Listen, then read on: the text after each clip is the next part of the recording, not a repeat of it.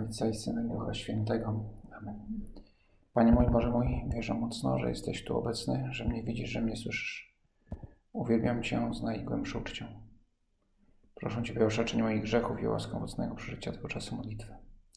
Matko moja niepokalana, święty Józefie Ojcze i Panie mój, Aniele stróż mój, stawcie się za Jak co roku w pierwszą niedzielę Wielkiego Postu słuchamy historii pobytu Pana Jezusa na pustyni.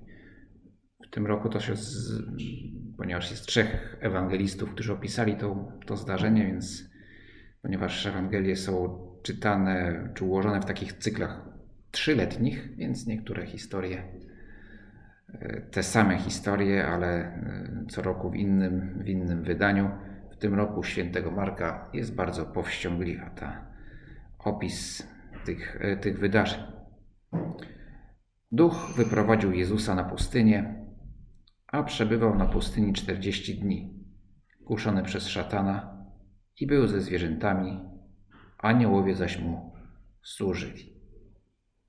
Nie mamy tutaj szczegółów, które nam dostarcza święty Łukasz, który mówi o tym, jak wyglądał pojedynek z szatanem, za to jest mowa o zwierzętach i aniołach. E, Pan Jezus poszedł na pustynię po to, aby spotkać się z Ojcem.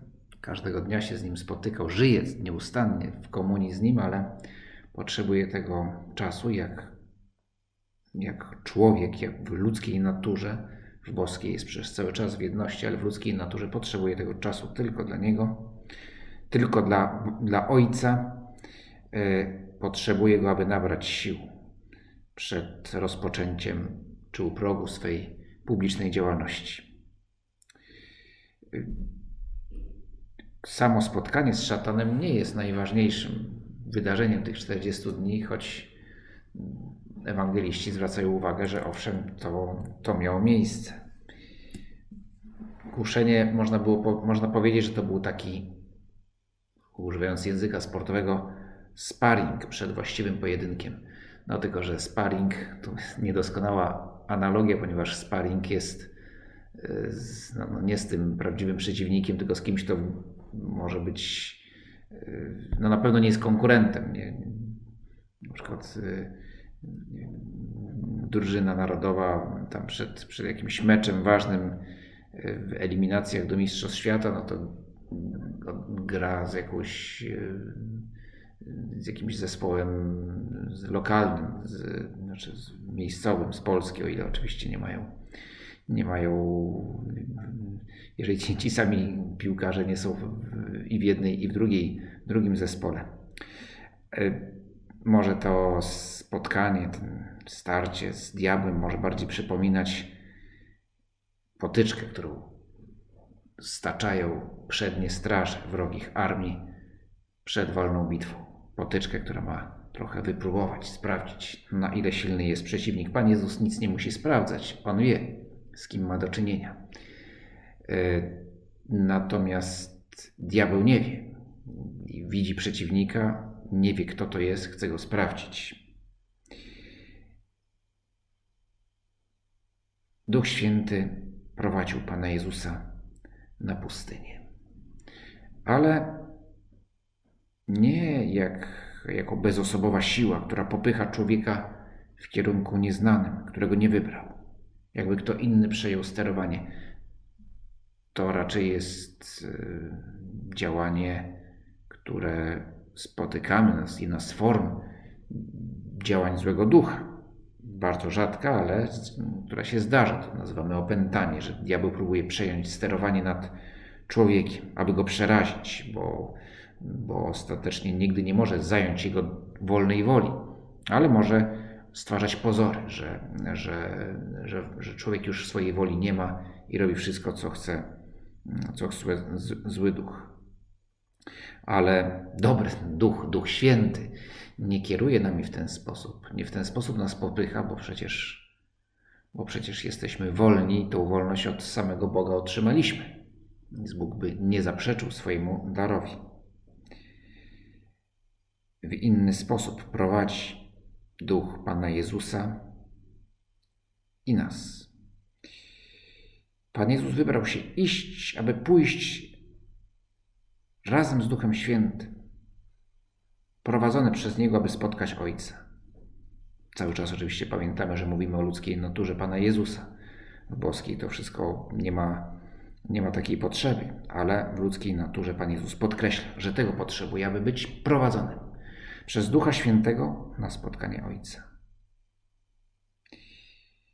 I dajesz nam przykład, Panie Jezu, właśnie poprzez swą ludzką naturę.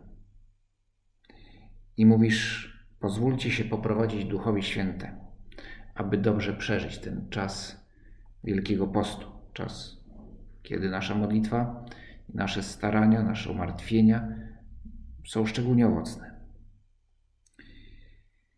Tak, Panie Jezu, chcę. Chcę, żeby Duch Święty poprowadził mnie.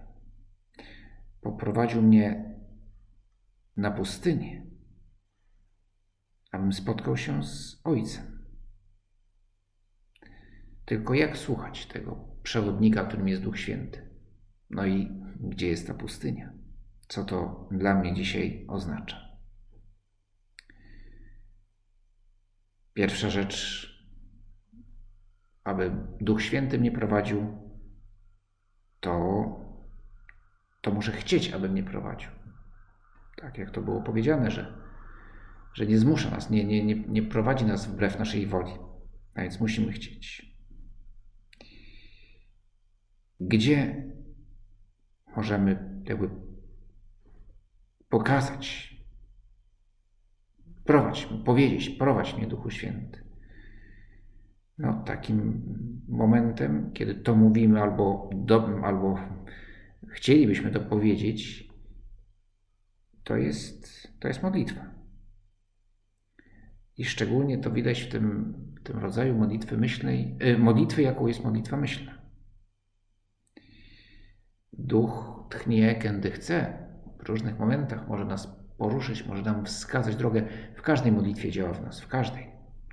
Ale w, w modlitwie myślnej możemy szczególnie łatwo zobaczyć to, to właśnie jego prowadzenie może nawet nie to, że mocniej nas prowadzi, tylko, tylko że łatwiej jest nam dostrzec, bo dostrzegamy na przykład w modlitwie myślnej jest najczęściej właśnie w taki, przy takiej formie modlitwy odczytujemy, odnajdujemy wolę Boga. No właśnie to oznacza być prowadzonym przez Ducha Świętego, odkrywać wolę Boga i iść, i za nią, czy jednoczyć swoją wolę z wolą Pana Boga. taka najbardziej podstawowa forma modlitwy myślnej to jest rozważanie Ewangelii. W ogóle szerzej Pisma Świętego. No ale tu uprzywilejowane miejsce ma Ewangelia. Spisana pod natchnieniem Ducha Świętego, czyli lektura Pisma Świętego oznacza to, że ja pozwalam się prowadzić Duchowi Świętemu. Oczywiście, jeśli przyjmuję to słowo jako słowo Boże, a nie jako jakąś zwykłą książkę czy, czy nie wiem, ważne świadectwo ludzkiej kultury, ale nic więcej. W orędziu na Wielki Post, które niedawno ogłosił papież Franciszek, czytamy tak. W tym czasie Wielkiego Postu przyjęcie i przeżywanie prawdy objawionej w Chrystusie oznacza przede wszystkim zgodę na dotknięcie Słowem Bożym, które Kościół przekazuje nam z pokolenia na pokolenie. Kościół przekazuje, bardzo ważne. No, ja nie potrzebuję Kościoła, potrzebuję, wystarczy mi Ewangelia. Nie, nie otrzymaliby, tą Ewangelię otrzymaliśmy i otrzymujemy w Kościele przy wszystkich słabościach tej instytucji, słabościach ludzkich, jest ona uprzywilejowanym narzędziem Ducha Świętego, właśnie aby przekazać nam Słowo. W Kościele Ewangelia powstała, w Kościele jest przekazywana. A Stary Testament powstał w tej wspólnocie, która jest jakimś pierwowzorem Kościoła w narodzie wybranym i Kościół ją przyjął. Od narodu wybranego przyjął w całości Stary Testament, y, wierząc, ufając, że to jest, to od Ducha Świętego pochodzi. Prawda ta nie jest konstrukcją intelektualną, zarezerwowaną dla nielicznej grupy wybranych, wyższych lub wyróżniających się umysłów, ale jest przesłaniem, które otrzymujemy i możemy zrozumieć dzięki mądrości serca, otwartego na wielkość Boga, który nas kocha, zanim stań, sami staniemy się tego świadkami. Nie jest konstrukcją intelektualną. Ciekawe właśnie, jak się patrzy też na, na sam sposób, w jaki jest yy, skonstruowane, jak Pismo Święte, całość przede wszystkim jest bardzo zróżnicowane. Ale przede wszystkim jest to historia. Są elementy takie jakieś mądrościowe czy poezji, którą zresztą też, żeby ją zrozumieć, też trzeba osadzić się w jakimś kontekście historycznym. Konkretnie chodzi o psalmy. Ale zasadniczy zrąb Pisma Świętego to jest historia. A już Nowy Testament to jest historia, cztery Ewangelie, pięć, bo jeszcze mamy tu Ewangelię Ducha Świętego, tak jak mówią mm, teologowie nadzie nadzieje apostolskie i świadectwo tych, którzy to przyjęli. Pawła, Jana, Jakuba, Piotra, ich listy, które są bez Ewangelii nie miałyby sensu, bo najpierw, bo najpierw jest ta historia, która, która staje się, która popchnęła tych popchnęła apostołów do tego, aby nieść Ewangelię na cały świat, tłumaczyć ją między innymi poprzez listy, z których niektóre zostały, zobaczyliśmy, że, że zostały spisane pod natchnieniem Ducha Świętego. W centrum jest Ewangelia, czyli historia. Opowieść o Panu Jezusie. Nie traktat teologiczny, ale historia. I ta historia dopiero staje się i może ją, ją zrozumieć każdy. W jakichś podstawowych zrębach może ją zrozumieć każdy. Przyjąć i przyjąć, żeby stała się jego drogowskazem. Jest piękna scena w filmie e, Amistad, w którym niewolnicy, czy raczej no, Afrykańczycy, którzy, którym udało się właśnie wyzwolić z rąk łapaczy niewolników. To się wszystko dzieje w XIX wieku, ale statek, który przejęli, nie wiedzą jak nim kierować, no, dociera do wybrzeży Stanów Zjednoczonych i teraz, w których jeszcze panuje niewolnictwo i teraz pytanie, czy są wolni, czy nie. No i grupa szlachetnych abolicjonistów walczy o to, aby, aby, aby uznać ich za wolnych, skoro dotarli bez tych w cudzysłowie właścicieli, czyli bez tych bandytów, którzy ich porwali no to, no to, to w takim razie nikt, no, dzięki temu prawda, nie było innej możliwości, więc ci walczący o, o prawa e, wszystkich ludzi taki argument wysuwają. Toczy się tam cały spór sądowy, oni w międzyczasie są w więzieniu i właśnie przynoszą im Biblię, Biblię w rysunkach, takie w obrazkach. Przynoszą oczywiście ci działacze, którzy są inspirowani Pismem Świętym, tak? ci, którzy chcą ich wyzwolenia. Jest piękna scena, jak oni właśnie nic nie rozumiejąc, oni nie są w stanie nawet, nie znają angielskiego, w ogóle jedyny kontakt to jest ten, te, te rysunki. Oni czytają to i patrzą, to jest o nas. I ten ktoś, ten bohater, on, my się z nim utożsamiamy. Patrzcie, zwyciężył. Jest naprawdę piękna scena, jest zdumiewająca jak, jak Spielberg. Widać jego fascynację, tego, tego reżysera, no, który no, nie jest chrześcijaninem, ale widać ogromną fascynację chrześcijaństwem. Y, więc ta historia dla każdego nie jest, y, która oczywiście przez wieki jest ona jakoś intelektualnie opracowana i nieustannie wydobywane są z niej jakieś nowe prawdy, czy może nie tyle wydobywane prawdy, czy, czy na nowo odkrywane, czy formułowane różne prawdy o, o, o, o naszej rzeczywistości, ale, ale to to jest historia żywa, a nie jakiś traktat filozoficzny. Tą prawdą jest sam Chrystus, który przyjmując całkowicie nasze człowieczeństwo, uczynił siebie drogą, wymagającą, ale otwartą dla wszystkich. prowadzącą do pełni życia. A więc Pismo Święte, Ewangelia w szczególności, jako pierwsza inspiracja dla, dla modlitwy myślnej. Potem są inne książki duchowe, które mogą bardzo pomóc w tej, w tej w modlitwie. One zresztą zawsze ich bazą też jest Ewangelia, no bo cóż może być innego. Teraz w Wielkim Poście rozważamy na przykład drogę krzyżową. Jest to też jakaś forma modlitwy myślnej, rozważanie męki pańskiej. Wielu autorów pięknie to przeżyło i nam przekazało swoje przeżywanie męki pańskiej, równocześnie pomagając w naszym życiu duchowym.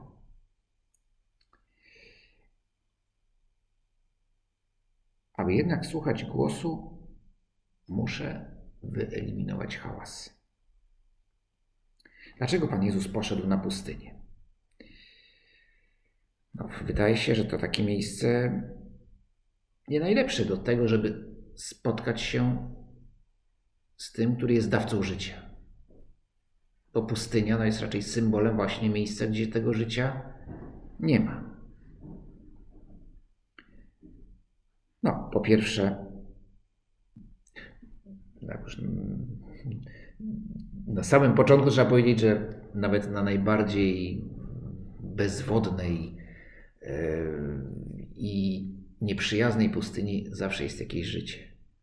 Nawet na pustyni Gobi, która zdaje się tą najbardziej nieprzyjazną życiu pustyni, też jest też jakieś tam wielbłądy, tam specjalny gatunek wielbłąda, który tam sobie wędruje po tej pustyni, nikt nie wie jak oni tam, jak te wielbłądy tam się z, sobie radzą, a wszystkim dlaczego łażą tam, nie mogą sobie gdzieś pójść gdzie indziej, w jakichś lepszych miejsc, ale im tam się podoba.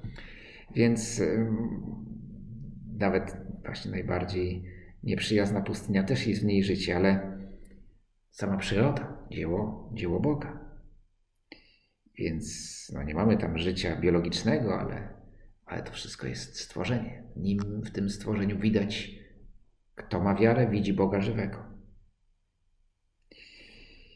I jest piękne. Pustynia jest piękna. Tak jak piękna jest skalista turnia, która też może być nie, no jest nieprzyjazna, w szczególności jeżeli ktoś nie jest dobrze przygotowany, aby przez nią przechodzić, ale, ale, ale jest piękna. Na piękno, w pięknie odnajdujemy tego, który jest źródłem piękna, czyli samego Boga. Po drugie, pustynia to jest miejsce, gdzie wszystko jest proste. Piasek, skały, niebo. Ta pustynia judejska, tam gdzie Pan Jezus prawdopodobnie odbywał, odbywał te swoje 40-dniowe rekolekcje, ona nie jest taka, to nie jest, no, no, to nie jest Sahara, to jest bardziej takie co obszary, pustynia skalista. Też to jest tam dużo więcej, z tego co wiem, jest bardziej, jest tam więcej roślin i, i, e, i zwierząt, bardziej półpustynia. No ale tak czy owak, na pewno ten krajobraz jest dość prosty. Patrzyłem na zdjęcia z tej pustyni judejskiej, rzeczywiście no, jest piękny, ale prosty. Tym samym cokolwiek na pustyni zobaczę, staje się ważne i skupiam się na tym. Pewnie też to dość może na pustyni, no to no w Polsce akurat ta pustynia błędowska to już zarosła, to nawet jedyna co, co była jakaś pustynia, to już jej nie ma. Natomiast to doświadczenie no, patrzymy w, na morze, tak? Jak, jak, szczególnie tam w Zatoce Gdańskiej to, to zawsze jakieś statki Saupry wpływają do Gdyni, czy, czy tam stoją na redzie, ale, ale na otwartym morzu no, to patrzymy, jak się pojawi jakiś statek, to od razu przyciąga uwagę, tak? no, bo, no bo właśnie jest, jest, jest pustka. Y, a więc, kiedy wszystko jest proste, to łatwiej się skupić. Potrzebujemy, na modlitwie potrzebujemy skupienia. Dobrym, najlepszym miejscem do modlitwy jest, jest oczywiście Kościół, kaplica, tam gdzie jest Przenajświętszy Sakrament, gdzie możemy właśnie na jednym miejscu, w jednym miejscu skoncentrować nasze myśli, nasz wzrok. Oczywiście mogą być inne i czy, czy przyroda Panu Jezusowi pomagała, więc i nam pomaga, no ale, ale jednak to miejsce uprzywilejowane to jest, to jest świątynia. Yy, może być piękna, barokowa. Ja bardzo lubię barokowe kościoły, chociaż czasami no nie ukrywam, że, że, że trochę rozpraszają, jak jest tam coś. Ale z drugiej strony, jeżeli kościół jest taki strasznie surowy, jakoś tak nie ma atmosfery, nie ma takiej, nie, nie, ma, nie ma ciepła. Także, także chyba lepiej jest lepszym do modlitwy. Każdy ma swoje gusta, ale dla mnie piękniej, lepiej się modli w takim miejscu, które jest, którym jest sztuka, którym i ta sztuka no, może być prosta, może nie być, nie, nie być tak y, właśnie rozedrgana jak sztuka baroku, ale, ale jednak piękno, które tworzy człowiek na chwałę Boga, pomaga w tym, jeśli to jest naprawdę piękno, czy są to dzieła piękne, pomaga w tym skupieniu, nie rozprasza. Y, natomiast możemy się mogą rozpraszać inne rzeczy.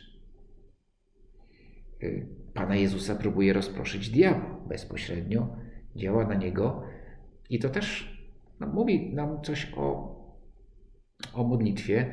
Y, mianowicie to, że i w czasie modlitwy mogą się pojawić pokusy. Czasami ktoś jest przerażony, jak to? Ja się modlę w kościele i przychodzą mi takie straszne myśli do głowy. Się okropna w czasie mszy świętej, no zupełnie, no nie, jak to jest, jak to możliwe? No po pierwsze,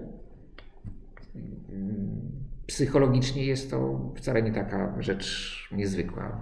Mianowicie czasami myślimy właśnie o czymś, nie chcemy myśleć, jakaś myśl, jakaś wyobrażenie budzi w nas wstręt i właśnie do tego pcha nam się do głowy. Czy jest to działanie diabła? Może nie bezpośrednio. Raczej jest to efekt naszej słabości wynikającej gdzieś jeszcze z grzechu pierworodnego i że nasza psychika po prostu ma taki, taki jakiś defekt, że nie panujemy nad naszą wyobraźnią, ale może być też rzeczywiście, że diabeł dyskretnie podsuwa nam jakieś myśli, które nas rozpraszają. Rozprasza nas. I wtedy nie ma co panikować, tylko powiedzieć, no pan, skoro Pana Jezusa próbował rozproszyć, no oczywiście próbował rozproszyć takimi metodami bardzo już wysublimo, wysublimowanymi. We mnie może tak tam nie pokazuje królestw całego świata, tylko, tylko na przykład, czy też o, nie mówi o, o, zamieni, o, o tym, żebym zamienił kamień w chleb, bo i tak go nie zamienię bo nie mam w zasadzie 40 dni postu, ale zaledwie 4 godziny i właśnie z powodu tych 4 godzin myślę ciągle o kolacji. I to jest właśnie ta myśl, która mnie rozprasza i sprawia, że modlitwa jest. Ale czy się tego przeraża? Czy, czy bać się tego? Nie, dlaczego mam się? No, Pan Jezus był również kuszony. I więc. Yy, z uśmiechem, no oczywiście nie, uśmie, nie, nie uśmiecham się do diabła, tylko do, do Pana Jezusa. Ktoś nam tu przeszkadza, ale co z tego?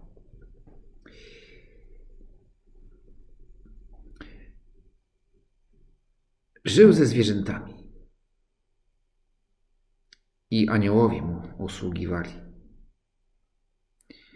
Podkreślane to właśnie, czemu ewangelista mówi o, o zwierzętach, o aniołach, Podkreśla, że Pan Jezus panuje nad rzeczywistością. I przyroda jest mu uległa, i aniołowie. Jest Panem. Jest Bogiem. Nawet zły duch musi odstąpić. Ale pamiętajmy, że Pan Jezus potrzebuje tego czasu samotności po to, żeby zanurzyć się ponownie w nasz świat. Potem zresztą w trakcie działalności publicznej wielokrotnie widzimy go na kartach Ewangelii, jak się odsuwa gdzieś na bok, potrzebuje samotności, ale nie jest to ucieczka od ludzi. On nie ucieka. Nawet jest jedna scena, gdzie widać, jak chciał z uczniami trochę być gdzieś z boku, odpocząć, ale kiedy ludzie przychodzą, Pan Jezus wstaje i naucza.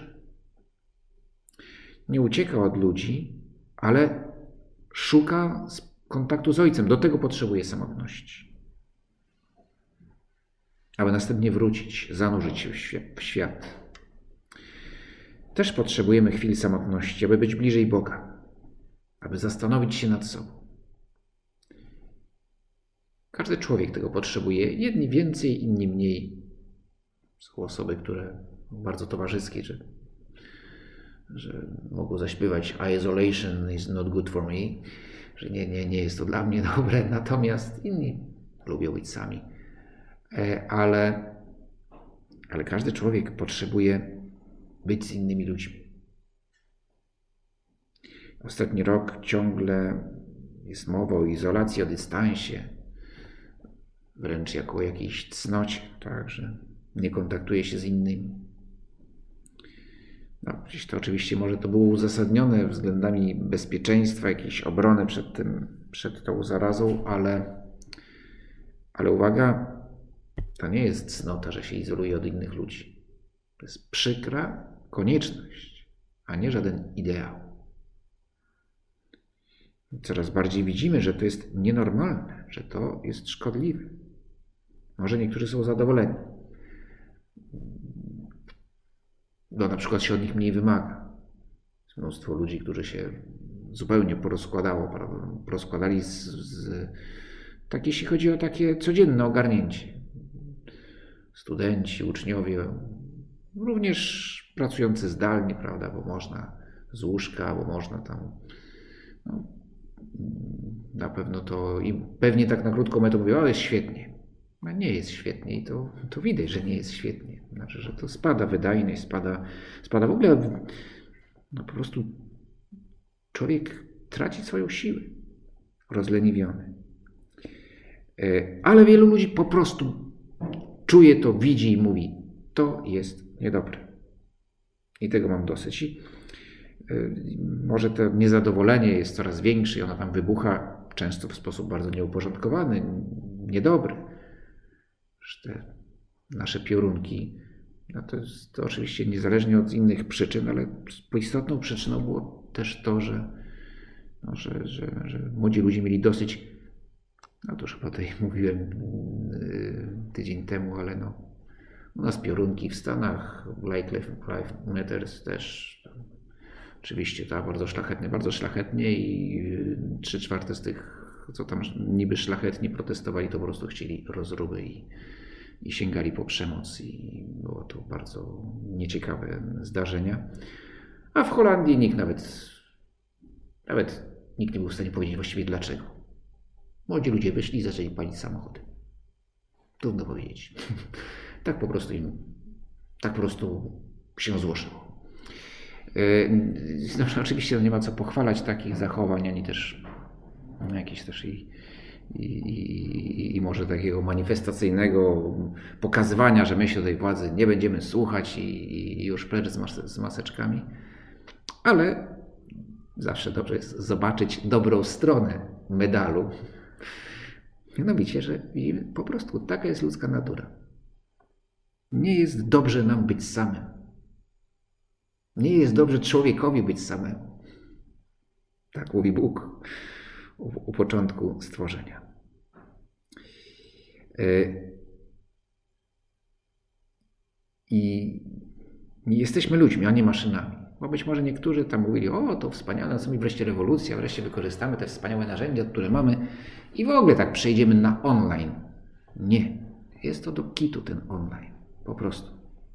W szkole nie działa. Dziadostwo. Efekty są beznadziejne. I bardzo dobrze, że nie działa. I bardzo dobrze, że się gorzej uczą online. No niektórzy się uczą lepiej, ale nieliczni. Większość się uczy gorzej. Bo, bo, bo potrzebujemy być ze sobą.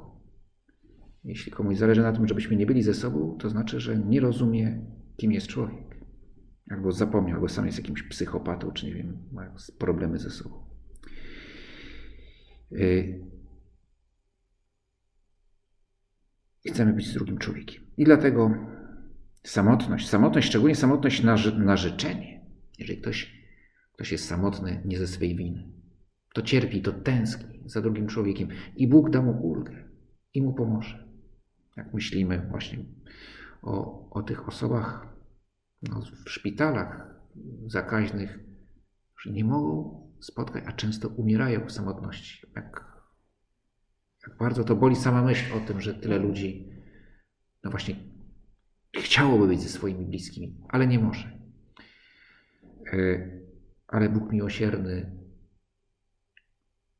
jest, przy, jest szczególnie blisko, blisko nich. Bo to nie jest samotność z egoizmu, tylko to jest krzyż, to jest samotność Pana Jezusa, który modli się w ogrójcu i, i, i, i czuje, że, że w tej walce, którą toczy, jest sam. Ale nie jest sam, bo, bo jest z nim ojciec. Natomiast jeśli ktoś wybiera tą samotność z egoizmu, no to uwaga, izolowanie się otwiera na szatana, na działanie szatana.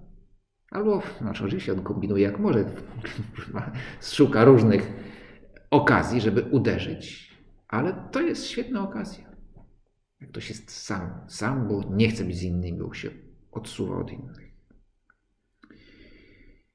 Yy, tak więc potrzebując, szukając tego spotkania, spotkania sam na sam z Bogiem, równocześnie pragniemy być z innymi. I, I nasza modlitwa w samotności popycha nas następnie do tego, abyśmy wychodzili naprzeciw ludziom, w których spotkamy samego Boga. Nie wystarczą zwierzęta, ani aniołowie. Mamy anioła stróża, wspaniale, ale potrzebuje człowieka. W człowieku bowiem spotykam Chrystusa. Dzięki Ci składam Boże mój za te dobre postanowienia, uczucia i natchnienia, którymi mnie obdarzyłeś podczas tych rozważań. Proszę Cię o pomoc w ich urzeczywistnieniu. Matko moja niepokalana, święty Józefie Ojcze i Panie mój, Aniele stróżu mój, wstawcie się za mną.